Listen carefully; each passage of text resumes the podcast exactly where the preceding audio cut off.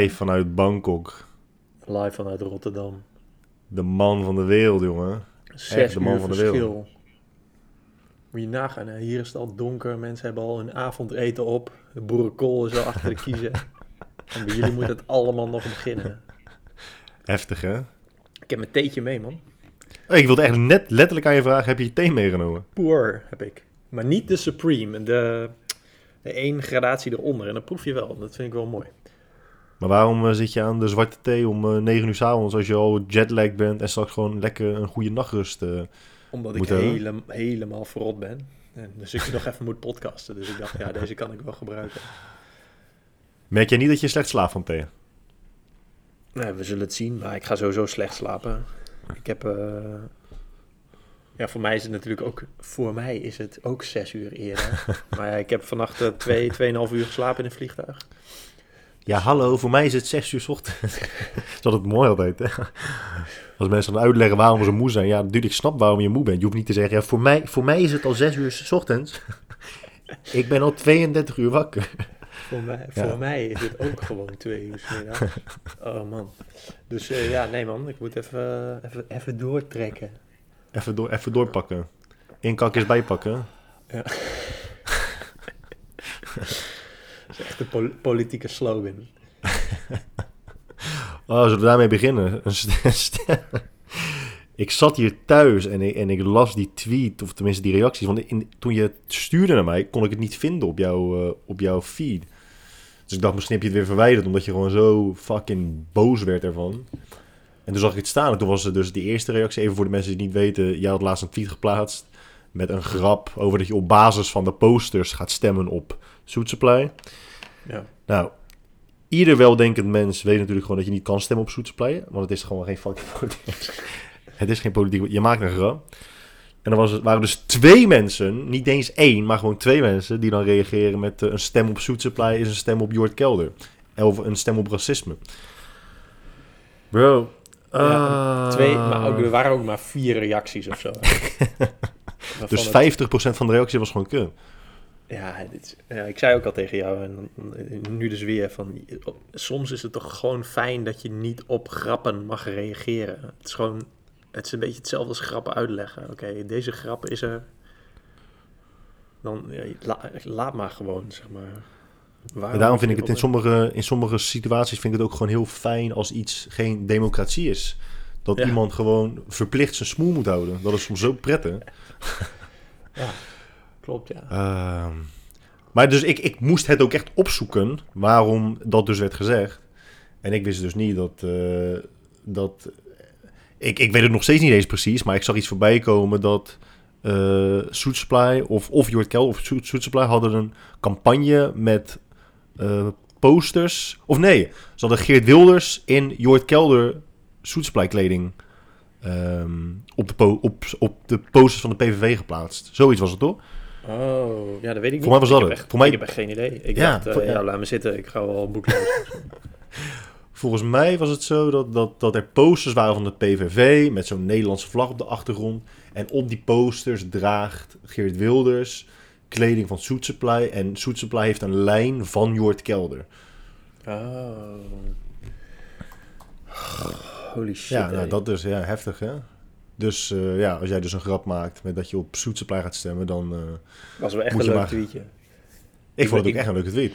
Terwijl ik, ik, ik bedacht het terwijl ik in de auto zat. Ik zag die poster niet eens. Toen dacht ik, oh, dit is echt een leuk grapje. Even onthouden. Moet ik zo even tweeten. Dat ik ook echt de auto uitstapte. dacht ik, oh, nu ga ik dit even tweeten. Dat is echt een leuk grapje. En dan word je Oh, dus- geslacht gewoon hè. Je wordt echt... een zielige fan ben ik toch ook. Ja, maar die reacties, ja, het is echt, ik hoop echt nog dat we, dat we op, het op een gegeven moment mee gaan maken dat je gewoon digitaal iemand voluit kan ellebogen op zijn smoelwerk via zijn computerscherm. Dat zou, dat zou wel mooi zijn. Ja, ik hoop echt nog dat ik in die tijd, eh, in die tijd ga leven. Dat hoop ik echt, man. Ja, sommige mensen moeten wel echt gewoon klappen hebben. Maar wat ik tegen je zei, zo, dat soort mensen moet je van de fiets trappen. Gewoon even, even tegen het sturen aan trappen. Zo poem. Dat zou wel lekker zijn, hè? Gewoon over zo'n zo'n hele dikke tak tussen de spaken knallen. dat ze zo voorover vallen. Maar dat, oh ja, dat, dat was ook zo. Ik had, toch, ik had een paar maanden geleden had ik een, eh, een video geplaatst van zo'n groep vrienden. eh, waarbij een van de vrienden. eh, eh, ja, godver, hoe, hoe noem je dat? Ik, ik, durf, ik durf geen lilliputter te zeggen, want dan stoot ik weer mensen tegen Verticaal beperkt. het hoofd. Verticaal beperkt, inderdaad. Eh, maar dat is een groep vrienden en die doen dan, heb je dat gezien? Die doen dan dat spelletje dat je weg moet rennen. En dan één iemand schiet dan een, een rode Ja, ja, maar die raakt dus, dat, dat, dat, dat, ja, hij raakt dus die lilliput en die gaat keihard op zijn bek. Maar heel die groep vrienden vindt het fucking grappig. Iedereen vindt het grappig. Waaronder Ja. hij zelf. Ja, en ik plaats dat op Instagram en dan zeggen mensen, nou hier kan ik dus echt niet om lachen. Dit vind ik echt schandalig. Denk ik, jezus, gozer, zelf, hij vindt het zelf ook grappig. En al zijn vrienden vinden het ook. Ze lachen er onderling om. Waarom moet jij dan weer degene zijn die zegt, ik vind dit schandalig. Ik vind het... En zou het dan wel grappig zijn als hij niet verticaal beperkt was? Ik vind ik wel echt mooi, man, verticaal beperkt. Dit, dit is toch de hele, hele idee van eh, humor. Dat het, dat het een. eh, hier hebben we het ook al vaker over gehad. Het, het moet een beetje schuren, want anders is het niet grappig. Nee, als alles, als alles zo, zo, zo hele perfect. Want ja, correct. kan inderdaad ook dat, dat, dat, dat het drie, eh, drie of acht Jeroenen waren van 1 meter, 1 meter 83. Die dan, Ja. ja. dan is het niet grappig. Het is extra grappig als het een lilliputter is. Maar dat vraag ik me dus af. Is het dan wel grappig als het inderdaad allemaal gewoon Kevins waren? Die gewoon... eh, ja, ik, weet niet. Ja. Nee, dat, dat is het hele punt. Daarom zijn grove grappen ook leuk. En daarom is vloeken met gekke ziektes ook... Dat zijn, dat zijn de beste vloeken. Als je naar de effectiviteit van vloeken, vloeken kijkt, toch? Hoe heftiger het is, hoe, hoe grappiger het is. Maar wel voor steeds minder mensen, toch? Ja, niet, Want niet hoe- grappiger, maar hoe beter het, het stelmiddel is. Zo Ja, oké, ja, ja, ja. Net zoals ehm, als je bijvoorbeeld eh, je knie stoot of je kleine teen of zo. Ja, je moet, je moet wel hard, ha- hoe harder je schreeuwt, hoe beter je de pijn kan opheffen. Of als je een koelkast moet Ja, optillen, hoe harder je, hoe harder je moet brullen. Anders werkt het niet. Maar Ah. goed, dat snappen de mensen Nee. niet, Guy. Die zijn allemaal, iedereen is dom behalve wij. Dat weten we inmiddels ook. Het is gewoon zo, ik, ik, maar ik snap ook niet, want als je, als je bij een, een, een, een, een cabaretier zit en je zit in het publiek, dan schreeuw je toch ook niet. Dit vind ik te ver gaan, dit is echt, dit gaat nergens over, dit is, dit is aanstootgevend. Waarom op social media dan wel? Want mensen weten toch wel dat het een grap is. Kijk, als je, als je oprecht niet begrijpt dat het een grap is, zoals met mijn bitcointje eh eergisteren. Oh, wauw. Ik had wel verwacht Ja. dat mensen die eh, door zouden hebben.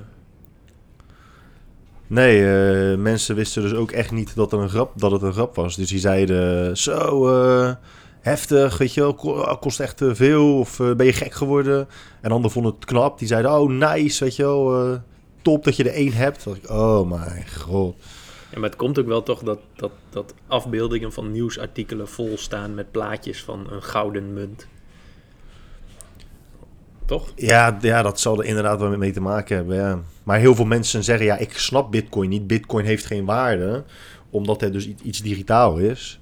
Dus ik, ik ging ervan uit dat de meeste mensen wel wisten dat bitcoin iets digitaal is. Helaas, over bitcoin gesproken. Waar staat die op? De, de- Hij staat op eh 56.500 euro. Lekker zeg. ja, dat Lekker. ja. Ja, dat is goed. Dat is mooi. Ja. Welke dag is het vandaag, eh Jelmer de Boer? Ja, kutzooi, want we zijn twee dagen later omdat ik eh, zo nodig moest vliegen. Dus het is in ieder geval niet... Oh ja, het is wel een week. Nee, 9 maart zouden we opnemen, maar het is nu 11 maart. Het is in ieder geval week van de klassieken. De Ja. week zonder vlees uiteraard. De week van de hoogbegaafdheid. En de week van de gezonde jeugd. Oké. Precies vier weken die over mij gaan dus. Ehm, Week van de klassieken. Ja, dat, dat dekt vooral de lading bij jou. ja, nee, maar dat, ik vind dat, ik, dat heb ik even opgezocht. Dat gaat erover dat, je, dat mensen, of dat er een organisatie is of een groep mensen die, die promoot om meer klassiekers te lezen. En nou, dat vind ik wel, eh, dat is wel sterk. Klassiek werk, dat vind ik wel. Ja. Dat, vind- dat, is de, de- dat vind ik nou nog eens een, een week om. eh nee, niet, er hoeft niet per se een week van te maken, maar in ieder geval, ik vind het standpunt prima. Maar net zoals bijdragen. alle andere weken en net zoals alle andere dagen... heb ik elke keer het gevoel dat niemand het hierover, hierover heeft. Je hoort er nooit iemand iets over zeggen. Ja, de week zonder vlees wel. Ja, wees van vlees wel. Ja, ja, ja, ja. Want daar Maar dat is omdat we in een... eh, als Albert Heijn eh, ook wel heel veel geld mee verdienen. En als Jumbo. En, als en dat is omdat we in een, in een, in een, in een gewoon welvaren links land leven ook, toch? Ja. Met een rechtse, maar rechtse regering. Mid, middenrechts. Middenrechts. Ja, vind je dat we een rechtse regering hebben? Ja, VVD zit toch rechts van het midden. Niet, Rechts van het midden. Niet het allerverst. Verst. Verst. Ehm, ja, dat, dat is wel waar. Ja. We hebben het laatst nog over gehad, toch? Dat wij toch meer neigen naar een ehm, progressief rechtse partij en dat die er eigenlijk niet zijn. eh. Zou wel mooi zijn. Nee, ja, volgens mij, ik, ik, ik ben... eh, ik heb mijn machtiging voor mijn stempas ingevuld. En Jenny gaat voor mij stemmen. Oké. Alleen je, je moet er niet opzetten op de, op de machtiging. Je moet hierop stemmen. Je moet gewoon tegen iemand zeggen... Yo, je moet even daarop stemmen. En op die machtiging zeg je alleen... die persoon mag voor mij stemmen. Maar ik heb tegen haar gezegd... dat ze op Sigrid Kaag van de D6, D66 moet stemmen. Maar ik kan dat natuurlijk nog wijzigen. Ik ga dat denk ik eh, ook wel doen. En ik hoor steeds meer mensen om me heen die dat, ehm, die dat ook doen, man. Ehm, op D66 machtigen. stemmen. Oh. Jenny mag. Nee, Jenny gaat op- ja. met een, met een kliko Met- vol met stempassen. Nee, steeds meer mensen die dan op, eh, op D66 stemmen. Dus ik denk dat zij het wel goed gaan doen, deze ehm, Ja, verkiezingen. Ja, Is je mat, is je mattie, toch? Nou ja, ik vind het gewoon mooi dat ze een beetje elitair eh, is. En eh, ja, dat vind ik wel master. En ik vind het ook mooi dat ze een of andere zielige marketingcampagne had en die helemaal niet meer doet nu. Met, eh, Die heb ik gemist. Wat was dat dan? ja, dat, dat, een van de beeldmerken was een of andere lelijke getekende schoen. De sneaker, zo van ik ben een vlotte dame. Oh, en ze maakte reclame met ja, gewoon sterke vrouwen aan de macht. Ehm, die in principe niet per se direct één op één eh, met het gedachtegoed van de D66 te maken hebben. Dus dat vond ik een beetje zielig. Maar ik, van wat ik er nu van zie, denk ik van, van eh, ja man, let's go. Sigrid Kaag. It's your girl. It's your girl Sigrid. Ik Ja. denk dat, eh, en ook, aan- ik, ik heb je trouwens naar een andere beeldscherm verplaatst. Hoor. Dus het lijkt nu alsof ik niet naar jou kijk, maar nu kijk ik dus naar jou. Ah, Ehm, we hebben best wel wat feministen in Nederland natuurlijk. Dus ik denk dat ook eh, wat dat betreft Sigrid het eh, goed gaat doen. nou, laten we het hopen. Het zou, het zou toch Ja. mooi zijn. Ja, man. Ja, Ehm, zijn we het daar ook over eens? Stem D66. Ik vind het wel vet. weeks- Weet je wat ik niet snap? Dat, dat zei ik bij vorige verkiezingen ook. Vorige verkiezingen had je natuurlijk ook superveel influencers en mensen die opriepen van je moet stemmen. Ik, ik begrijp dat niet. Een soort van mensen die weinig met politiek hebben. Je kunt ze toch beter overhalen om ergens op te stemmen dan überhaupt om te stemmen. Dat is, dat is mijn stelling. Je kunt toch beter zeggen, yo, ik stem hier en hier op, want ik vind dit en dit belangrijk. ja, Dan ja. dat je zegt, ja, laat je stem horen, want je bent bevoorrecht om in een democratie te wonen. Nee, je woont gewoon toevallig in een democratie. Ja, dan zeggen mensen, ja, je hebt toch keuze. Je, kan toch, je kunt er toch voor kiezen, bewust, om eh, de eerste vlucht naar Afghanistan te nemen. Ja, Dus het is, eh, het is inderdaad deels toeval. En ander, een ander deel is ehm, ervoor kiezen om hier te blijven. Met de aanname dat het hier gewoon natuurlijk gewoon waanzinnig is. Maar ik ben het wel helemaal met je eens dat, eh, dat je beter iemand kunt uitleggen waarom ze op een bepaalde partij moet stemmen of niet. In plaats van dat je zegt, joh, ik weet dat je nog nooit hebt gestemd, maar ga nou gewoon een keertje stemmen, want eh, jouw stem telt ook. En dat ze dan 13 seconden op het internet kijken en zeggen, oh, die gozer heeft wel een tof pak van de Suit Supply aan. Dus ik ga PVV stemmen. ja, ja precies. Ja, maar ook een soort van... Ik weet, volgens mij heb ik één keer niet gestemd. Gewoon omdat ik er... Ja, ik dacht, ik heb geen zin in of zo. Weet ik veel, of het regende of zo, of het kwam even niet uit. Ja. Terwijl als je toch denkt van, oh, ik wil op iemand stemmen, dan, ga je, dan wordt dat een item. Eh, Tenminste, dat, zo denk ik erover. Misschien eh, mis ik een afslag in mijn hoofd, maar eh, het- lijkt mij handiger om te weten dat je op iemand moet stemmen dan dat je überhaupt moet stemmen. Want dan moet je daarna nog een keuze maken. Ja, ja ik, vind het, ik vind het wel opmerkelijk om te horen hoeveel mensen er niet stemmen. Echt best wel veel. En ik, Ja, maar jij, snap- gaf, jij geeft ook wel eens aan in deze podcast dat je niet, niets hebt met politiek. Dus ik kan me ook wel voor. Ja, ik vind het niet Nee. eens raar dat mensen het niet doen. Nee, nee, nee, nee, ik, ja, nee, klopt. Maar wat je zegt, ja, het is toch wel als, als echt... Ik weet niet, ik kan, ik kan me voorstellen dat als meer mensen zich bezighouden met politiek, dat het uiteindelijk ook wel gewoon bijdraagt aan eh, ehm, de partijen die uiteindelijk zetels eh, krijgen. Mhm. Of hoe noem je dat? Krijgen, verdienen, winnen. Ehm, omdat meer mensen doordachte keuzes maken. Dan dat ze maar gewoon denken: oh ja, ik stem op eh, die en die, want Jelmer de Boer heeft dat gezegd. Alleen, ehm, ik denk uiteindelijk sowieso dat de meeste mensen toch wel voor de middenweg gaan. En dan kom je uiteindelijk alsnog altijd, bijna altijd bij, de, bij partijen als de VVD aan. Er zijn maar weinig mensen, relatief weinig mensen, die voor de uitschieters gaan. Ja. Toch? Dat, dat zie je eigenlijk altijd wel bijna. Ja. Maar ik vind dat bijvoorbeeld heel raar dat je dan in, in, in een land als Amerika.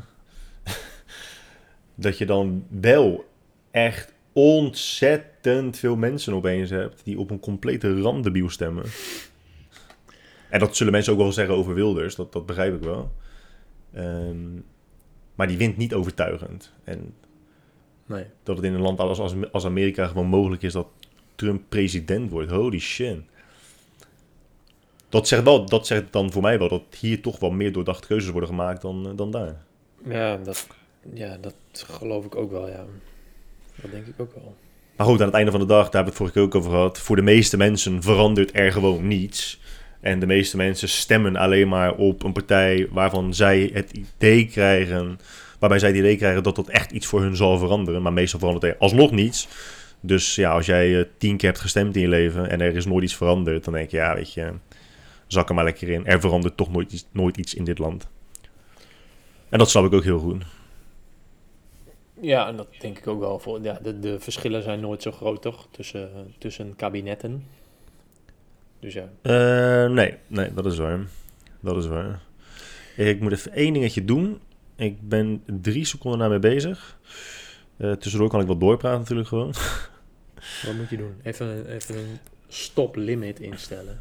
Nee, nee, nee, nee, nee, nee, nee, nee, nee. Ik moet eh, meedoen aan... je hebt, dit jaar heb je ook gewoon natuurlijk weer ICO's en zo. Ja. Die, die bestaan gewoon. Dus daar moet ik even, even eh, iets aan doen. Ehm, maar goed, ik kom er nu natuurlijk weer niet uit. Omdat ik dan 13 dingen tegelijk probeer te doen. Vertel jij even ondertussen over je boek, want die wilde ik gisteren kopen en dat is me niet gelukt. Maar ik hoop dat de website Oh. nu wel werkt. Ik weet niet wat ik er vorige keer over heb gezegd.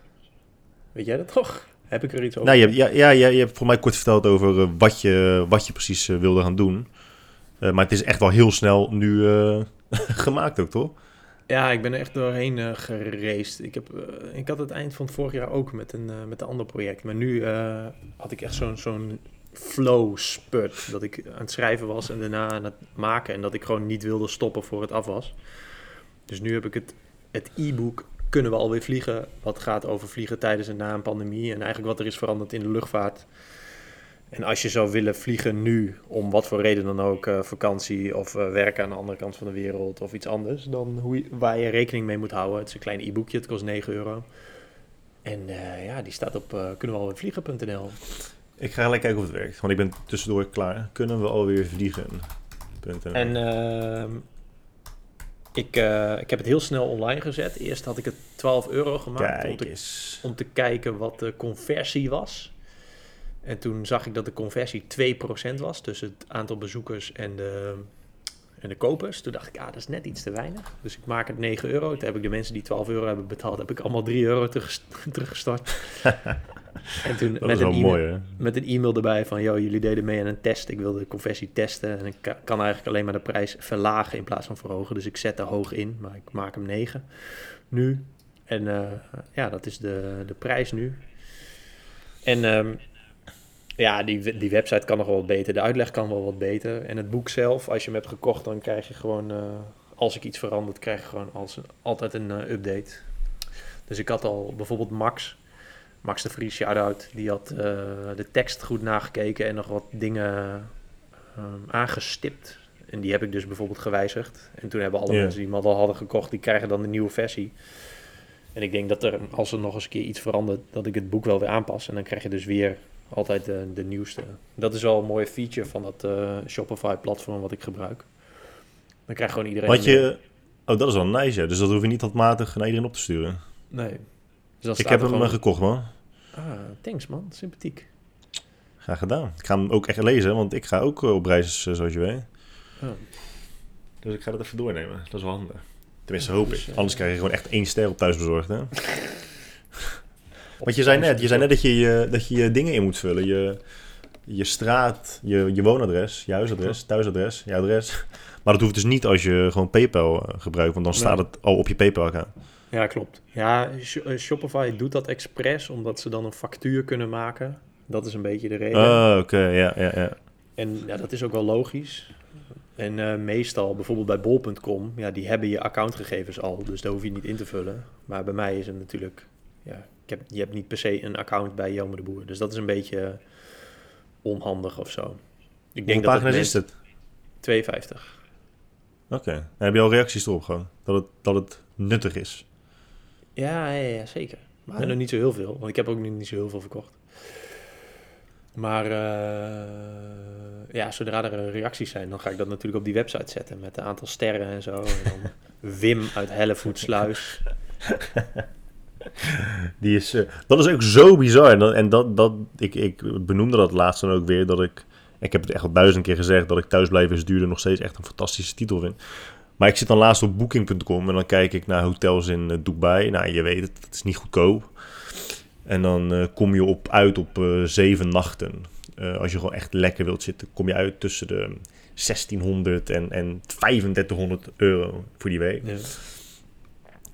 En ik weet niet meer hoe ik erop kwam, maar op een gegeven moment zat ik dus per ongeluk in Nederland, in Den Haag volgens mij. en dan heb je gewoon hotels op fucking Scheveningen en Hoek van Holland zelfs ook zag ik staan. En hotels in Zeeland. Gewoon echt voor 1800 euro in dezelfde Voor periode. Dat, ja. ja. dan denk je toch, jezus.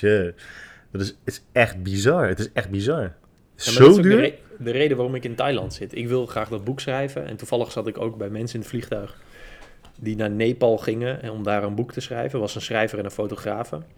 En die moesten daar ook in quarantaine twee weken. En die hadden zoiets van, ja, dan gaan we gewoon schrijven. Net eh, gewoon precies hetzelfde idee als ik. Alleen, ja, als je op de Veluwe een hutje wil huren... eh, dit is even duur als een hotel hier. Ja, bizar hè? Het is echt dan- absurd gewoon. Hier heb je het eten bij en dan, ja, dan ben je daarna in Thailand. Dus dat is ook wel een van de redenen waarom ik hier zit. En hoeveel heb je nou betaald voor je ticket dan? Ook niet zoveel toch? 400 euro of zo? Nee, ticket was 260, maar dat was met punten. Dus dat 260 was bijbetalen. En dat is enkele reis. Wel in business, maar... En dan, 260 euro. ja. In business. Dat is toch, eh, hoe, kan- hoe kan dat nou, man? En, en, als ik, en elke keer als ik jou mijn tip vraag voor business class, dan moet ik weer 33.000 euro betalen. Oh zo, je hebt mijn boek niet gelezen, want anders zou je dit niet zeggen. Ja, ik ben, ik ben nooit lid geworden van al die spaarprogramma's. Nee. Ja, je hebt je Amex ook al opgegeven. Oh ja, je spaart alleen bij Flying Blue. Ja, jij doet gewoon alles precies niet goed. Ja, ik heb, eh, ik heb Flying Blue heb ik opgezegd. Dat was jouw tip. Maar Amex kost gewoon, die, creditcard kost 250 euro per jaar of zo. En ik doe er precies niks mee. 92 volgens mij. Ja, welke heb je dan? De, de groene. De gouden. Oh, mij, ik dacht dat het 200 nog wat was, toch? Maar je hebt waarschijnlijk punten, dus dan betaal je weer minder.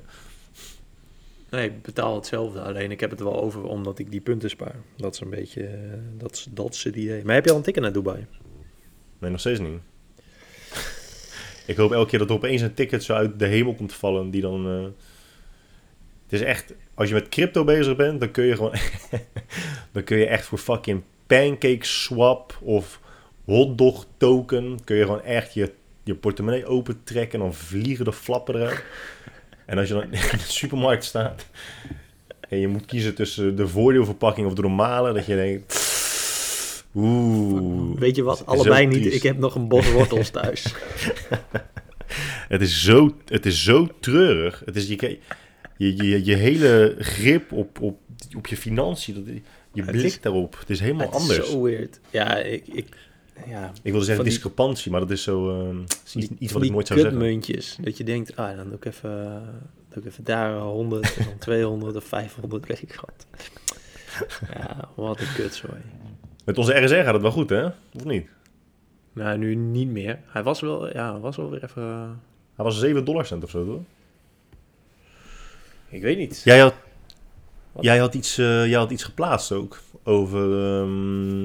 wat een studie naar mij, via onze WhatsApp-groep waar alleen maar eh, betalende leden in zitten.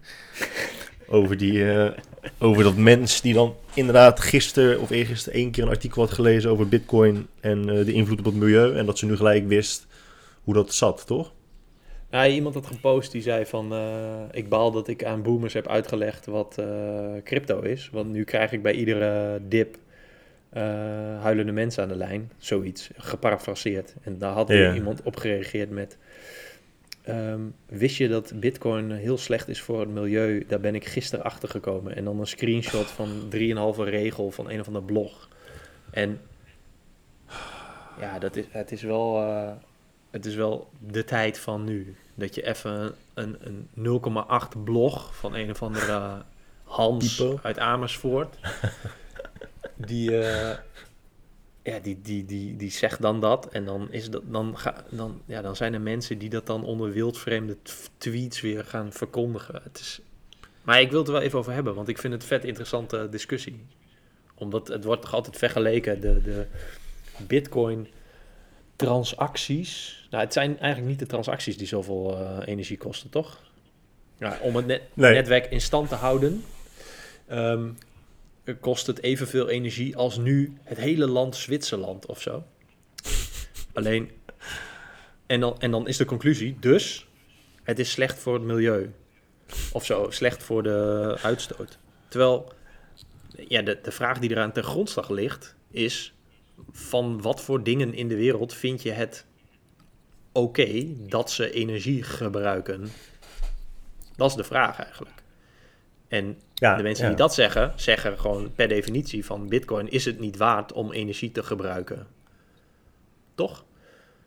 Of ze vinden, hoeveel, ja, hoeveel mag het dan wel gebruiken? En ja, Nee, ja, nee, nee, maar- nee, maar dat, dat, zijn echt, dat zijn echt oprecht intelligente en terechte vragen die de meeste mensen gewoon niet stellen. Want die lezen inderdaad, en ik ben op dit, eh, eh, op dit onderwerp echt verre van kundig. Ehm, maar ik, ik hoop dat ik er wel iets meer van weet dan, dan mensen die dat soort shit dus posten op eh, Twitter. Eh, maar wat je zegt klopt. Ze, ze lezen dan ergens, ja, bitcoin. En wat je net al, je differentieert al terecht ook tussen eh, het in stand houden van het netwerk. Of inderdaad het minen van de blocks. En dan heb je ook nog inderdaad de transacties. Maar het gaat voornamelijk om het minen van de, de blocks. Eh, en de meeste mensen zullen al niet begrijpen wat dat precies betekent. Maar dat, dat doet er ook niet toe. Eh, maar die twee gebruiken allebei een andere eh, hoeveelheid energie.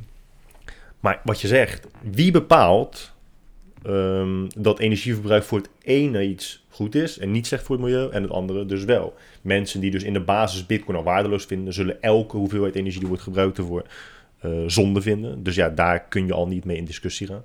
Mhm. Verder moet je kijken, als je dus, als je dus met iemand te maken heeft, hebt die vindt dat bitcoin wel waarde heeft, net zoals het andere, eh, net zoals het geld of goud ook waarde heeft.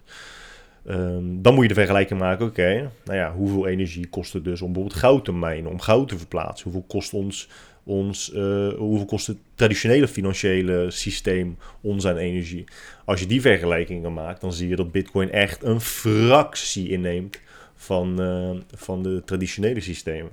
Als je kijkt naar wat bijvoorbeeld Amerika als land gebruikt aan energie tijdens kerst, eh, de kerstlichtjes, die ze, die ze overal in het land aanzetten, ja, dat is gewoon meer dan meerdere landen samen gebruiken in een heel jaar. Daar hoor je ook niemand iets over zeggen. En wat is daar nou weer in godsnaam de waarde van? Eh, maar ja, dan zeggen mensen, ja, dat is, dat is, dat is leuk tot het hoort bij het feest, dat is traditie. Maar zo zie je dat je gewoon al heel snel in een discussie belandt, waarin iemand schijnbaar kan bepalen of mag bepalen wat energie. ehm, het maakt toch ook, het, ja, maar het maakt dus, dus niet uit. Het gaat gewoon, je kunt de discussie niet echt voeren. Het is een beetje, het doet me heel vaak denken aan mensen die, gaan we het weer over vliegtuigen hebben, maar heel veel mensen vinden bepaalde vluchten tussen twee plekken, vinden ze pretvluchten. Ja, die Mhm. pretvluchten moeten echt stoppen. Ja, dat zeg je ook alleen maar omdat jij niet tussen die twee plekken wil vliegen. Een soort van, Ja, voor is jou bizar. is die, is die vlucht niet belangrijk. Staat dat heel laag op een waardenlijst. Voor andere mensen misschien wel. Ja, de- ik vind dat zo dom geredeneerd. Ik denk, ja, dat, heel, dat heel de wereld moet buigen naar de wil van, van de persoon in kwestie. Maar wat je net ook zei over het, het in stand houden van het netwerk, dat het, het kost dus heel veel energie ehm, om het netwerk in stand te houden, dat klopt. Maar het vergt dus net zoveel energie om het netwerk ehm, te belemmeren of zelfs eh, neer te halen. Dat maakt het ook gewoon heel erg veilig. Als, het, als, als je met één computertje thuis op je zolderkamer het Bitcoin-netwerk plat zou kunnen gooien, dan zou dat gewoon echt een heel groot probleem zijn. Dus Ja, dat, is wel, dat is wel een goed argument inderdaad. afhankelijk van de context is, is het hoge energieverbruik geen, geen bug, maar is het gewoon een hele belangrijke eh, functionaliteit. En dat is eh, ook iets wat mensen ehm, vaak vergeten. En als je, ja, als je kijkt naar hoeveel energie het vergt om bepaalde monet of, of, of waarde in geld te verwekken. Dus elke dag of elk blok worden er 6,25 bitcoin of zo gemined. Eh, en dagelijks is dat, nou ja, ik weet niet hoeveel dagelijks het nu is, maar er wordt in ieder geval een paar duizend bitcoin per dag gemined. Als je dat vertaalt naar de waarde in eh, de waarde van nu, dollarwaarde van nu, eh, dan zie je dat het best wei- relatief weinig energie vereist om zoveel geld ehm, te verwekken op dit moment. En dat zal alleen maar minder worden, want de, de waarde blijft alleen maar stijgen. En dat zal voorlopig nog wat, nog wat doorgaan. Ja. Goud is slechter voor het milieu. Voor, voor het milieu. Een heel stuk slechter. En Ehm, ons, eh, en ons traditionele geld is ook slechter voor het milieu. Ja, dus dan, ja, dan blijft het gewoon staan, zeg maar. Wat vind je belangrijk? En daardoor is ook heel vaak de kritiek van mensen die positief zijn over bitcoin. Zo van, ja, we moeten het niet hebben over wat energie gebruikt, maar hoe het wordt opgewekt. Als je het gewoon daarover gaat. En daar zijn ze, maken ze natuurlijk ook sprongen inderdaad. Ik bedoel, net als met, eh, net als met alle, alle andere branches die energie gebruiken, die, die, die maken ook sprongen daarin. Die proberen het ook steeds duurzamer te maken. En dat zullen bitcoin miners ook doen. Volgens mij was er al een of ander groot Russisch bitcoin mining bedrijf die nu ook overging op waterstof en zo. Ja, die gaan ook niet achter de feiten aanlopen. Die proberen natuurlijk ook wel progressief te zijn wat dat betreft. Het scheelt hun ook gewoon heel veel geld. Ja. Dus ja, ja. En als jij hele landen kunt redden van financiële ondergang, ja, dan is het echt niet eh, een waste om daar wat eh, energie tegenaan te knallen, denk ik. Nee, precies. Ja, want ja, het is zo complex. Want dan moet je ook nog gaan meten van, oké, als je geen bitcoin had in dat land, wat, voor, wat waren dan de schadelijke effecten op de mensen daar, zeg maar, op, weet ik veel, levenskwaliteit, dat soort dingen, Hmm. of het monetaire systeem daar. Dus het, goed, het is gewoon veel complexer dan een Dan dat je alleen lijstje bijhouden met bitcoin is, nu heeft nu Noorwegen ingehaald. Ja, alsof je weet wat dat zegt, zeg maar. Ja, dat, zijn, dat is gewoon, eh, ja, dat ziet er indrukwekkend uit als je dat inderdaad onder een, op een lijstje onder elkaar zet. En het is ook vooral indrukwekkender als je zeg maar niet, ja, Bitcoin niet echt snapt. En het een beetje ziet als een soort hype die een beetje, een paar mensen daarmee aan het klooien zijn, zeg maar. Je buurjongen en je broer en eh, iemand op Twitter. En dat je dan denkt van, wow, ze gebruikt dan veel meer energie dan Noorwegen. Dat kan nooit goed zijn. Toch? Nee, ja, het is ook, ja, ja. Nee, dat, ja, het is heel lastig om dat soort gesprekken te voeren. Het is, dat is echt heel lastig. En dat is, dat is een beetje hetzelfde als mensen die zeggen, ja, ik ga niet stemmen, want het eh, haalt uiteindelijk toch niks uit. Dus ik doe dat gewoon nooit. Het is, ehm, soms is het moeilijk om bepaalde gesprekken te voeren. Ja. Het is lastig. Lastig. Maar ja, Eh, gelukkig hebben wij 1000 bitcoin, toch? Klopt, ja. En door die donaties inmiddels eh 8000. Want die Leon Nan, die blijft maar doneren. En eh Even Robert, shout-out. Robert Obbes en PJ. Peer. Ja, wie, Peer, wie toch? waren er nog meer? Mikey, gedoneerd. Mikey, Mikey 010. Mikey motherfucking Marve. In the house. Dus, Eh, eh, we moeten wel even, even shout-out Thomas Thomas, hoor. Weet je, die vriend van jou, die ook mijn vriend is, maar ik ken hem niet. Ja, Ja, ja. Alweer? Moeten we weer shout-out doen? even shout-out Thomas. Thomas. Want ehm, ik eh, was dus met hem aan het eh, DM'en laatst. En toen kwam ik er dus voor het eerst achter dat eh, dat de Thomas was. ik wist het dus eh, niet. Nice. En toen keek ik op zijn eh, profiel, dus ook voor het eerst. En die gozer maakt wel echt dikke dingen hoor. Hij maakt echt wel mooie, eh, mooie NFT's. schilderijen. NFT's. Ja, heeft hij ook. Heeft hij ook NFT's? Ja, Wat een viezerik. Eh, hij is zeker een Joto. oh, nee, volgens mij komt hij uit Kapitalist. Albanië of zo. Albanië? Ja, Ja. Ik wist niet of ze daar ook Thomassen hebben. ik weet niet precies. eh, zijn afkomst is een beetje eh, onbekend. Oké. Maar wel echt, hij maakt echt mooie dingen. Ik vond het Ja, echt, zeker, echt mooi. zeker. Heb je iets gekocht van hem? En ik ben echt een, een zielige vent. Ik heb wel wat op, de, op mijn toilet staan. Een tekening van een neushoorn. Vet mooi. Maar ik denk niet dat ik daarvoor betaald heb. Echt? Maar, maar weet, jij, eh, weet jij wat het kost bij hem ongeveer? Eh, volgens mij is het wel betaalbare kunst. Maar het kost niet eh 200 euro. Maar het kost ook geen eh 4000. Volgens mij is het er daar een beetje tussenin. Als je een... eh, de- denk ik. Nou, ik hoop dat onze vriendschap eh, zich eh, gaandeweg ontwikkelt. Dat ik over anderhalf jaar tegen hem zeg... Joh, Thomas, ouwe mak, kameraad van me. Kan je niet iets, iets eh, moois... Ik zei tegen hem, je moet een eh, schilderij maken van, eh, van Elon Musk. Weet je, dat hij bij Joe Rogan zit en dat hij die, die hijs van die joint neemt. Ah. En dan moet hij een Bitcoin shirt moet hij dragen eigenlijk. Dat is wel kick. Ja, zoiets moet, dat is wel vet als hij dat zou maken. En er een Ja. NFT van zou maken en dat schilderij zou verbranden. Dat is wel mooi. Heb je gezien dat die ene pixel art nu voor 7,5 miljoen Dude, dollar... hou op man. Hou... Ze verkopen nu ook tweets, heb je dat ook gezien? Ja, ja, ja. Oh, maar die, de eerste tweet van Jack is voor 2,5 miljoen verkocht. Die is al verkocht. Ik dacht Ja, dat ik zag dat het een bot was. En een half miljoen. En, dat, en heeft dus... Want hij en Jay-Z zijn toch ook zo'n fonds begonnen. Zo'n een stichting ook. Die dan arme landen helpt aan eh, bitcoin. Oh, En voor mij hebben ze al iets van 250 bitcoin gedo- gedoneerd aan een aantal Afrikaanse landen. nice. Maar ook de opbrengsten van zijn eh, tweet. Dus 2,5 motherfucking miljoen. Dat doneert hij ook gelijk allemaal. Maar is wel echt vet. En daar hebben we het dus ook een keertje over gehad. Dat, dat heel veel rijke mensen doneren al zoveel geld vrijwillig. Daar ben ik echt van overtuigd. Ik bedoel, ik, ik, ik kan meer echt multimiljonairs en multimiljonairs opnoemen die ook filantropisch zijn dan, dan ehm, multimiljonairs en miljonairs die dat, die dat niet doen. Ja, maar er zijn er zoveel. dit is ook weer een ellenlange discussie. Die wil ik eigenlijk niet voeren. Maar het punt is toch altijd dat die gasten zoveel geld uit de maatschappij trekken... dat het gewoon nog veel kutter is. Dan kunnen ze wel heel veel weggeven... maar ze hebben nog steeds heel veel soort van bij zich... zodat andere mensen daar niet gebruik van kunnen maken. Dat is een beetje het, de, het kritiek, toch? Het kritiekpunt. Eh, ja, maar, dat zou, maar dat, zou, dat zou alleen kloppen als, eh, als eh, de hoeveelheid dollars in omloop altijd gelijk zou blijven. Maar we weten inmiddels dat dat ook niet zo is. Ah ja, dat is natuurlijk ook wel zo, ja. Dat is waar. Zie je? Alles in de wereld is complex. Ja, ze hebben het laatst nog die stimulus check. Ik dacht eerst dat elke Amerikaan het kreeg. En toen dacht ik op een gegeven moment, nou dat, dat zou wel raar zijn. Eh, maar als je dus minder dan 75.000 dollar per jaar verdient, dan krijg je dus zo'n stimulus check. Dus nagenoeg elke Amerikaan krijgt alsnog die, eh, die tweede check ook. En dan ga, krijg je ook nog een derde stimulus package. Dus stel Ja. je verdient al 6000 dollar per maand, dan krijg je alsnog die bonus. Wat een mooi Hoeveel land. per maand zei je? 6000 dollar per maand, toch? Ja, ja, Dat is Ja. 72. eh, ja, ja bizar hè. Dat is- 75.000 dollar is de cut-off. Dan denk ik, jezus. Oké, en in, in Nederland krijg je godverdomme krijg je tozo en dat wordt nog toegevoegd aan je inkomsten ook. Moet je nog belasting over betalen ook. Wat een kutland, eh, guy. Weet je wat ook kut is? Nou, Ik was een documentaire over autisme aan het kijken. Ben er, onlangs ben ik ermee gediagnosticeerd. En sindsdien eh, ben ik altijd boos dat mensen autisme niet snappen. Nee, oh, grapje. Maar ik was een, een documentaire, een documentaire ook echt aan het kijken. Van een YouTuber die dat ging uitleggen. Waarom heet ieder, alles heet tegenwoordig een documentaire als het langer is dan 18,5 minuut.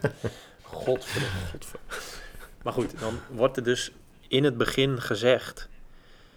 ehm, als er mensen, eh, deze, eh, deze documentaire gaat over hoe deze mensen in deze documentaire autisme ervaren. Als jij dat op een andere manier ervaart, dan kan dat. En we willen je er niet mee kwetsen. Toen dacht ik, oh God. jezus, krijg een natte sok. Holy. Ja, ik vind het zo irritant. maar ja, je, Dat- weet, je weet wat er gebeurt als je het niet doet. Dan stoot je weer iedereen tegen het hoofd en dan krijg je Ah, weer 23 bij DM's. Bij mij gaat het zo. Ja, hou je fucking back. ik vind het zo vreemd. Ik heb die diagnose gehad en ik ben natuurlijk een fucking baas. Zoals je weet, zoals jullie ook weten, lieve luisteraars. Maar ik denk dan, oh, dat is wel chill. Nu, weet ik, nu snap ik mezelf wat beter. En dan kan ik een soort van lekker mijn eigen leven beter inrichten. Sterker nog, autisme, auto, dat betekent zelf. Autisten die vinden, die kijken vanuit hun eigen wereld, zeg maar. Die vinden zichzelf vaak. Ze kunnen niet anders vaak niet anders de wereld zien dan vanuit zichzelf. Dus ik snap niet zo vaak waarom bijvoorbeeld in deze docu dan ook weer wordt gezegd van ja, er zou toch wel wat meer begrip moeten zijn voor deze, voor dit, eh, voor deze stoornis. Want het is een stoornis, ASS, autisme spectrumstoornis. Denk ik, ja, godver... Hoezo eis je dat van de wereld? Want Ja, de, wereld, de wereld moet dus... Oké, iedereen op de wereld moet dus heel goed snappen hoe autisme werkt. Maar we moeten ook precies weten hoe dit werkt, hoe deze minderheid en hoe dit werkt, hoe dat, hoe zus, hoe zo. Kun je niet gewoon zelf heel goed snappen hoe dat autisme voor jou werkt en je dan schikken aan de maatschappij? Is dat niet een veel betere route? Goed, ik maakte me daar kwaad om. En toen dacht ik weer, ja, eigenlijk ben ik gewoon aan het vertellen wat voor baas ik zelf ben. Nee, maar ik vind, ik, vind dat, ik vind dat minstens net zo irritant als jij. Dat, dat als mensen eh, besluiten dat ze tot een minderheid behoren, dat ze dan maar ook direct vinden dat heel de wereld hen niet genoeg begrijpt en dat ook maar heel snel wel moeten gaan doen. Ja, dat, dat is altijd heel vreemd, man. Dat is, dat is echt altijd heel gek. Kijk, er, er is wel echt onderscheid. Er moet wel onderscheid gemaakt worden tussen ergens geen begrip voor hebben en echt tegen iets zijn. Ja. Kijk, je kunt, je kunt homoseksualiteit bijvoorbeeld niet begrijpen en er echt op tegen zijn. Eh, tegen iets zijn of, of, of weet je bijvoorbeeld dat, dat mensen met depressie of eh suicidaliteit, suicidale gedachten, dat ze het idee hebben dat ze nergens terecht kunnen omdat ze gewoon worden uitgekotst. Daar kan iets voor gezegd worden. Dan is het nog maar de vraag, word je daadwerkelijk niet begrepen of begrijpt men je echt niet? Dat is ook nog wel een, een belangrijk onderscheid. Maar ja, inderdaad, ja, als, jij, als jij autisme, als jij gediagnosticeerd wordt met, met autisme, waarom moet opeens dan heel de wereld meer begrip hebben voor autisme? Ja, want mensen kijken nu Big Bang Theory en dan en Rain Man en dan Oh, denken ze, ja, ja, ja, dan denken ze oh, autisten zijn zo. Sommige Ja, autisten zijn zo. Ja, nou en? Soort van?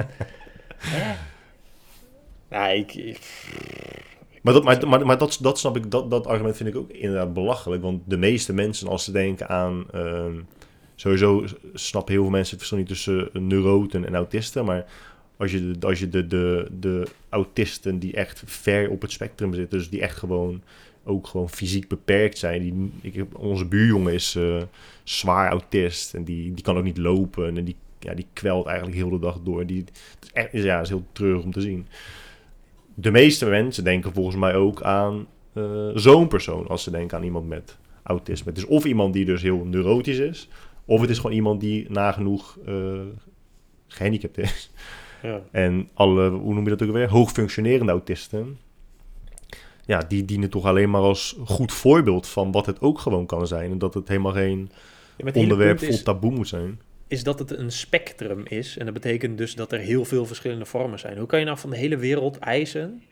Ja, maar beste wereld, snap nou gewoon dat er deze 148.000 verschillende vormen van autisme zijn. Snap, snap dat dan gewoon en accepteer mij. Ja, dat, dat kan niet. Nee, maar mensen snappen sowieso denken in een spectrum niet. En daar hebben we het ook al vaak over gehad, dat Nassim Taleb daar gewoon echt een enorme baas in is. Want als je echt, als je echt het denken op een spectrum gaat begrijpen, dan zie je dat je dat echt overal toe moet passen. En als je dat niet doet, leidt dat alleen maar tot onbegrip heel vaak. Ja. Want dan past het niet één van de twee hokken die jij in je hoofd hebt zitten. Terwijl er inderdaad, zoals jij zegt, 197.000 hokjes zijn. Ja, dus ik, ja, ik snap niet zo goed waar die ijs, ijs vandaan komt. Ja, Ja, omdat, omdat eh, misschien sta ik omdat eh, mensen zich, jaar eh, wel op de bres. Ja. Mensen, zich, ja, mensen voelen zich wel heel snel, eh, heel snel onbegrepen. En dat leidt tot ja, frustratie. En, Ja, maar het is ook wel. het is heel moeilijk. Maar het is moeilijk te kwantificeren op welk punt het dan goed is. Hè? Want stel je voor, iemand die, die persoon op YouTube zegt, nou, ik voel me niet begrepen. Oké, nou ja, noem eens, noem, eens een, noem eens een paar mensen waarvan jij vindt dat ze niet begrijpen, waarvan je het wel prettig zou vinden als ze je begrijpen. Nou, dat, dat kunnen ze dan vaak niet. Het is gewoon een soort van generiek, een algemeen gevoel dat ze dan hebben. Ja, hoe, hoe kun je dan vooruitgang kwantificeren? Hoe kun je dan zeggen, oké, ja, als die mensen mij begrijpen, dan is het wel goed. Of moet heel de wereld, je ma- mag er niemand zijn die je niet meer begrijpt? Is dat, Ja, is dat waar je naartoe wil? Dat, dat weet ik dus ook niet. We hebben het er ook al over gehad, ook al buiten deze podcast. Dat, ik heb dat natuurlijk ook wel, dat heel veel mensen, dat ik het idee heb dat heel veel mensen mij niet begrijpen. Of dat ik no- op bepaalde vlakken nooit ben begrepen. Maar mijn eis is niet van de hele wereld dat er meer begrip moet zijn voor de persoon Jelme de Boer. Misschien komt het zo over op mijn blog en in mijn video's. Nee, jullie snappen het niet. Het zit namelijk zo. Oh, En in mijn boeken. En op Instagram. En op Twitter. Maar ja, dat, dat die, ja. nee. Volgens mij is de bescheidenheid een beetje mis. Maar dat is, dat is volgens mij, en dat komt natuurlijk, daarom zit ik hier ook in Thailand. Dat komt ook weer terug in, in mijn boek Autonomie. Dat is wel echt een ziekte van, van individualisme. Soort van dat, dat de wereld de persoon, de fragiele persoon ik, maar eventjes moet snappen. En als dat niet gebeurt, dat dan de wereld te klein is. Ja, dat, dat gaat niet werken. Dat gaat echt nooit werken. En, en, en niet per se in jouw geval, maar in, in het algemeen. Als je, als je begrepen wilt worden, moet je het ook gewoon goed uit kunnen leggen. Vaak worden mensen niet begrepen omdat ze het gewoon niet goed kunnen verwoorden of niet goed uit kunnen leggen. En je kunt moeilijk van iemand anders begrijpen om je te begrijpen, uh, verwachten jou te begrijpen, als je het zelf niet goed verwoordt. Ja. Heel veel dingen in het leven zijn ook, gewoon, zijn ook gewoon een sales pitch. En als jij daar niet goed in bent, dan gaan mensen je ook gewoon minder goed begrijpen. Ja, dat heb je toen ja, heb je ook wel tegen mij gezegd. Ja, ik moest er ook aan denken met de politieke partijen. Want er zijn nu meer politieke partijen dan ooit. Toen dacht ik, ja, dat komt natuurlijk alleen maar omdat iedereen zo, zo super uniek wil zijn. Nee, ik wil niet bij die partij, ik ga even net iets anders. Oh, ik ga even net weer daar iets anders. Ik, wil, ik, ik, ik vind wel dit, maar ik vind echt, echt niet dit. Dus ik kan me echt totaal niet verenigen met deze partij die 88% hetzelfde vindt. maar ja, dat, dat is ook wel echt een uiting daarvan. Ja, je wil een uniek sneeuwvlokje zijn. Hoor je mij nog goed? Ja, natuurlijk, je hoort mij sowieso goed, maar... Ja. Ja, hmm. ja, zeker. Nou, wat moeten we nog meer over hebben? Burger ik kreeg, uh, ik kreeg reactie van iemand, tenminste, iemand die bij mij traint. Een vriend van hem die uh, kwam naar hem toe en die zei: uh, Zo, weet je waar ik echt goed mee in slaap val met deze podcast? Het was onze podcast. hij zegt, hij zegt: Ja, ik luister, ik luister er niet echt naar, maar ik vind de stem van de guy wel fijn en dan val ik in slaap. Dan dacht ik: Oh, mijn god. Nice. Ja, je hebt wel echt een mannelijke stem. Hmm. Hmm. Hmm. Kom eens even ik heb, een beetje, ik heb een beetje een monotone autistenstem. En jij nou, die van mij is ook wel monotoon hoor. Die van mij is ook echt heel monotoon. Er zit echt gewoon geen gevoel in. En als ik me, alleen als ik me druk maak. Als ik driftig word, dan, ga ik, uh, dan wordt mijn stem wat hoger. Maar waar kan jij je nog druk over maken? Je hebt, het over, je hebt nog iets over corona in het uh, draaiboek gezet. Nee, ik maak me tegenwoordig niet meer druk om corona. Je ziet wel echt steeds... Je, het, is nu, het wordt nu een beetje zoals fitness. Weet je, op een gegeven moment kreeg je iets meer kennis van zaken. Fitness. Oh ja, dat, fitness. daar hier ging deze podcast over. Ja, dit, dit wordt ons fitnessbruggetje. In de fitness was het natuurlijk zo dat je op een gegeven moment door ging hebben hoe het was om. Uh, uh, hoe noemen we dat nou? Uh, Jezus, om wetenschappelijk na te denken. Of om met een wetenschappelijke bril naar te kijken. En toen ging je op een gegeven moment door alle mythes en fabeltjes heen prikken. En dat ging best wel makkelijk. Weet je, op een gegeven moment slap je het gewoon. Dan gaat, gaat de knop om. En dat zie je nu met corona ook wel. Mensen komen met argumenten. En dat je echt denkt, gozer, je, je kijkt er echt op een hele verkeerde manier naar. Een van die argumenten is nu dus, dat zag ik voorbij komen op, op uh, Instagram, volgens mij op Twitter. Of Twitter. Dat er weer zo'n meme was gemaakt. Of er was zo'n plaatje gemaakt van Hugo de Jonge. Dat hij dan zei. Uh, ja, uh, griep is verdwenen omdat um, we ons aan de regels houden.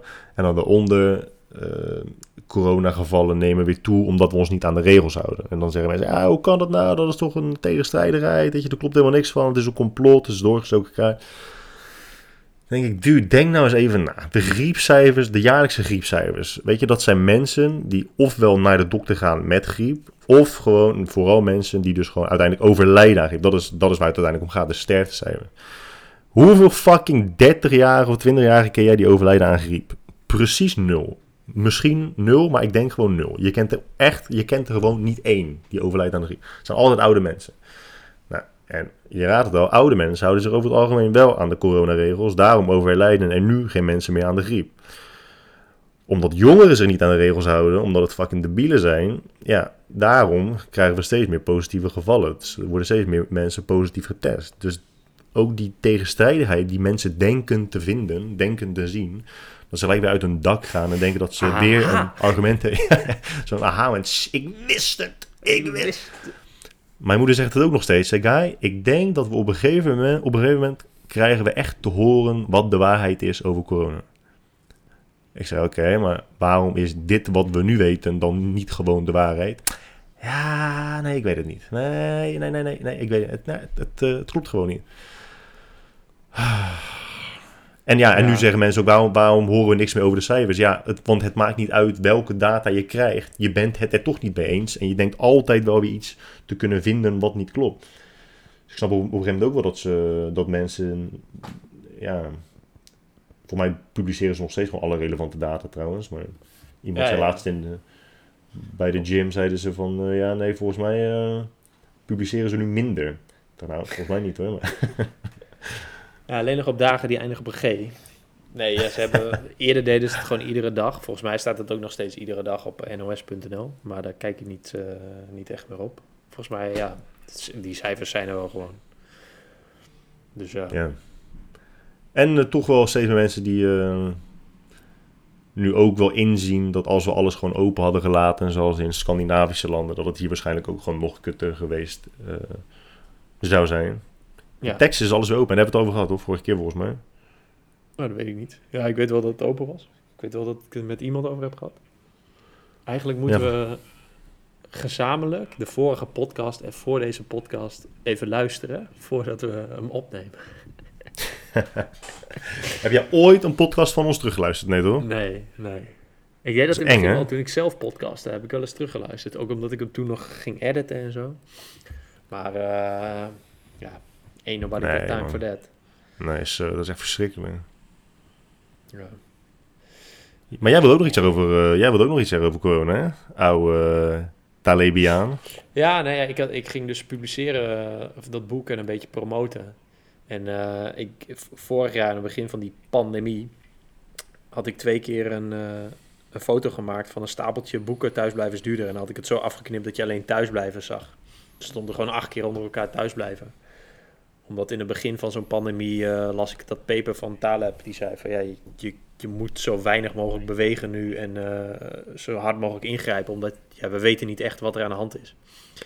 En toen heb ik ook echt wel persoonlijk ook bijvoorbeeld mijn ouders gebeld en zo om ze te waarschuwen en eh, mensen om me heen. Zo van, joh, we weten niet echt wat, wat er aan de hand is, dus laten we maar gewoon echt ons even koest houden. Nou ja, we zijn al een jaar verder dus, en we weten wel ongeveer wat er aan de hand is. En wordt ook gewoon getest. Dat was een jaar geleden kon je je niet eens testen. Dat soort dingen. Dus het is echt superveel veranderd. En dan, dan, dan krijg je zo'n reactie van iemand die je verder ook helemaal nooit spreekt. Van Andrea uit Meppel. Nee, weet ik veel wie. Die zei, was jij niet diegene die zei dat iedereen thuis moest blijven? En, en Oh, post je dit. denk ik, dude. We zijn een fucking jaar verder. We hebben elkaar in de tussentijd niet gesproken. Maar het is wel echt... nou ja, goed. Maar dat is wat ik vorige week tegen je zei, toch? Wat zeg je? Ik vroeg, ik, vroeg, ik vroeg vorige week aan jou toen je het over je boek had. Toen zei ik van, wil je jezelf nu... Nou, je profileert jezelf niet echt zo natuurlijk, maar dat is wel dan wat mensen gaan denken. Wil jij jezelf nu profileren als iemand die dus eh, eh, reizen aanmoedigt of stimuleert? Nee, nee, ik, had, ik, ik moet dus straks eh, op de radio, op Radio Noord-Holland, erover praten. En ik had zo'n voorgesprek en ik zei ook van ja, ik ga wel echt, ik, ik, ja, ik zal wel reizen nu, maar ik ga dan wel het liefst naar een land waar het extreem goed geregeld is, zoals Thailand. Dat je gewoon zeker weet van oké, er is een pandemie, ik ben een soort van eh, object hier. Dan dat je naar bijvoorbeeld Costa Rica gaat, waar je gewoon zonder test naar binnen kan, waar even je temperatuur gescand wordt. Ja, dan zou ik me minder op mijn gemak voelen dan hier, zeg maar. Ja, precies. Dat, dat is een beetje het, het nuance niveau. Ja. Net zoals eh, Zuid-Afrika vond ik ook best wel chill om eh, te verblijven, omdat die regels gewoon heel erg duidelijk waren daar. En eh, qua mondkapjes en ontsmetten en temperatuur meten en dat soort dingen. En, en, en afstand houden. Ja, dus ja, ik, ik ben wel voor, voor ehm, autonomie om dat zelf te beslissen. Ik heb, ik- Ja, dat- maar ik- dat is ik- ik, ik, ik vind ook een beetje van, ja, dat is, dat is echt het hele jaar lang al een beetje flauw, half bakken ingegrepen. Dus ik heb zoiets van, ja, je, je- je- het, het komt niet echt goed over, zeg maar, de maatregelen. Nee, je zou, eh, los van dat thuisblijven duurder is, zou je nu zelfs kunnen stellen dat in sommige gevallen thuisblijven riskanter is dan eh, in het buitenland verblijven. Afhankelijk van het land waar je dus bent. Ja, dus als ik hier straks die quarantaine, quarantaine doorbre- eh, door ben en ik ben twee keer negatief getest, plus nog een keer negatief getest voordat ik ging vliegen, ja, dan ben ik in een land waar nauwelijks cases zijn. Ja, dan ben ik toch, dan ben ik toch veel liever hier. En dan is, de, dan is de, het tegenargument is altijd... ja, maar in dat soort landen wordt er niet goed gerapporteerd. Nee, ja, hier, wordt, hier is het echt... Dat is niet normaal hoe groot het verschil is. Met, Je hebt een paar honderd positieve gevallen of zo, toch per dag daar? Ja, eerder was het echt uh, 3 en 5 en 8 en, en 15. Toen kwam, was er opeens een, uh, een super spread event. Het was even een piek. En nu is het weer... Uh... Maar is het niet zo dat... Ja, ik zie er gewoon, gewoon 50, 60 per dag. Per, ja. Maar is het niet zo dat het merendeel van Thailand gewoon echt straatarm is... en je daar ook gewoon niet kunt testen? Op nee, de meeste plekken? De gezondheidszorg is hier gewoon prima. Ja, ze hebben in totaal 85 doden. Ja, dat is bizar. De hele, hele coronapandemie. Dus... Uh, Ah ja, wat je zegt, ja, het is een beetje 65, 71. Ja, het was heel lang, was het 0, 10, 7. Ik zie het, ja, dat is bizar. In China mag je ook gewoon, in China mag je gewoon echt je deur niet uit. Hè? Je wordt echt gewoon, uh, voor mij word je gewoon gearresteerd of verdwijn je gewoon als je de deur uitgaat. ja, en in Nieuw-Zeeland spugen ze elkaar weer in een bek en zo en uh, likken ze aan deurklinken. Dat doen ze gewoon daar. Ja, ik ja, vind het, raar. Eh, maar de, de, de, de cijfers in China zijn ook gewoon echt heel vreemd. 1 maart, new cases 101.000. 2 maart, new cases 25. 3. Dat is ja. logisch, toch? Nee, nee, ja, ja, je kunt ervan vinden wat je wil, maar um, China, en het kan natuurlijk in dat land, hè, het kan niet in Nederland, maar dat is, zij en andere landen willen dat virus niet in hun, in, binnen hun landsgrens hebben. Dus jij roei dat gewoon uit. En dat kan. Dat kan. Net zoals met alle andere ziektes. Het kan in een land waar niet iedereen's mening uh, gehoord hoeft te worden. Ja, en we hebben natuurlijk het nadeel dat het niet heel erg dodelijk is. Want als het super dodelijk zou zijn, zouden we wel harder ingrijpen. En hadden we ook zoiets van, ja, we willen, dit, dit virus moet weg. En nu hebben we zoiets van, ja, ja kan wel een beetje, een beetje rondgaan. En als het, als als, als iedereen, net zoals bij ebola of uh, Zika of weet ik veel wat, uh, zou sterven, ja, dan zouden we wel echt, uh, echt allemaal in isolatie gaan. Echt massaal. En dan is het op een gegeven maar, moment maar, dat, maar daar geef je ook een, een, een veel voorkomend argument. Die mensen zeggen, ja, kijk naar de Spaanse griep, kijk naar de pest. als, er, als er echt een zorgwekkende pandemie is, maakt iedereen zich ook echt heel erg veel zorgen. En nu maken we ons vooral zorgen om een minderheid uh, die gewoon uh, ja, heel vatbaar zijn, die wiens immuunsysteem het gewoon niet meer zo goed doen. Maar de meeste mensen hoeven zich gewoon geen zorgen te maken, want ja, de minderheid die ehm, sterft, een aanzienlijke minderheid. Ja, het is, gewoon, het is gewoon ongemakkelijk, zeg maar. Voor de meeste mensen is het ongemakkelijk. Ja, je sterft er niet aan. Maar je hebt gewoon een beetje een kutjaar. Nogal. En je, en je bedrijf gaat failliet. En uh, je hebt de ruzie met je, met je huisgenoten. En je kunt niet op vakantie. Dat is een beetje de ongemakken. Maar dat is dus precies het argument waarom mensen dus tegen harde maatregelen zijn. Omdat het dus niet zo dodelijk is als, als andere virussen uit het verleden. Nee, ja, maar mijn, mijn argument is, ja, hadden, we, hadden we maar in het begin net gedaan alsof het een super erg virus was. Dan hadden we het dus kunnen uitdoven. En dan uh, was het nu gewoon helemaal weg van de aardbodem verdwenen. Ik weet ook niet hoe dat uh, precies werkt, maar is het niet zo dat ook hoe langer een virus blijft bestaan, uh, hoe, hoe meer dragers het virus dus ook heeft, hoe groter de kans dat het zich evolueert en dus of muteert en dus misschien uiteindelijk ook dus muteert naar een variant die zo dodelijk wordt als ebola. Dus dat je de, de lijkt, besmettelijkheid heeft van corona met de dodelijkheid van SARS. Lijkt, lijkt mij een heel logische aanname, maar ik heb geen idee of dat, of dat zo werkt. Ja, lijkt, lijkt me wel. Dus hoe meer uh, gevallen er zijn, hoe groter de kans op mutaties is. Ja, toch? Denk, ja. denk ik, ja. Hey, uh, we hebben nog een paar minuten, want ik moet zo uh, bellen. Ik denk, ja, ik denk wel dat we er ongeveer doorheen zijn. ja. ja, ik denk dat jij gewoon even lekker je poer moet opdrinken. Ja, die is al lang op. Ehm. ik ben weer helemaal alert. Ik zie, ja, je zit, je zit achter je computer alsof je gewoon voor maar 84 jaar oud bent. Helemaal voorover gebocheld.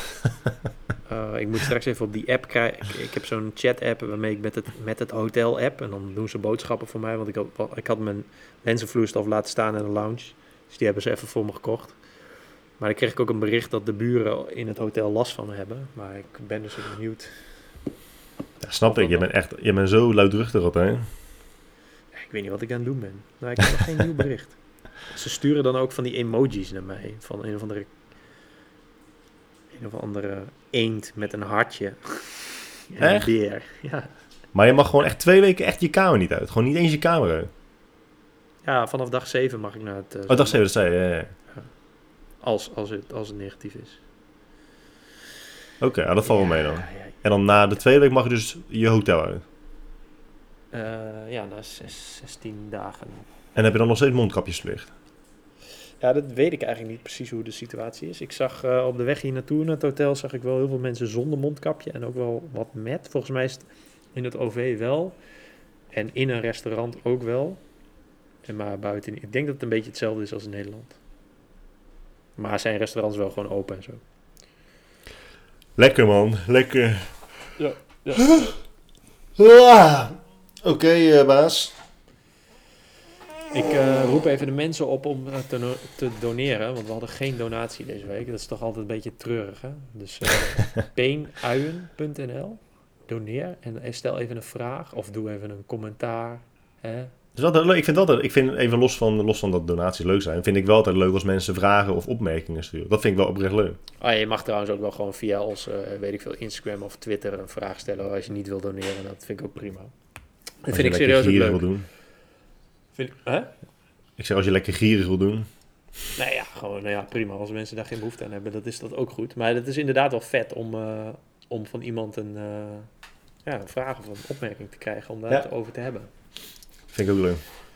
Vind ik Dus. ook leuk. Oké man, laat eens weten hoe het ging eh, met je radio optreden. Zeker. Verspreek jezelf niet hè. Nee, dat zou wat zijn. Eh, eh, eh, net als ik. En dat je bij allemaal fucking niet bestaande termen gebruikt. Oh, sorry hoor. Oh, oh. Dat ik straks op Dumpet sta met mijn audio. Loser verspreekt zich tijdens de live radio uitzending. Loser verspreekt zich 11 minuten lang. Oh, Leuk, man. Oké, nou op de Nou, veel plezier. de titel van deze podcast. Ja, dankjewel. En namens Later.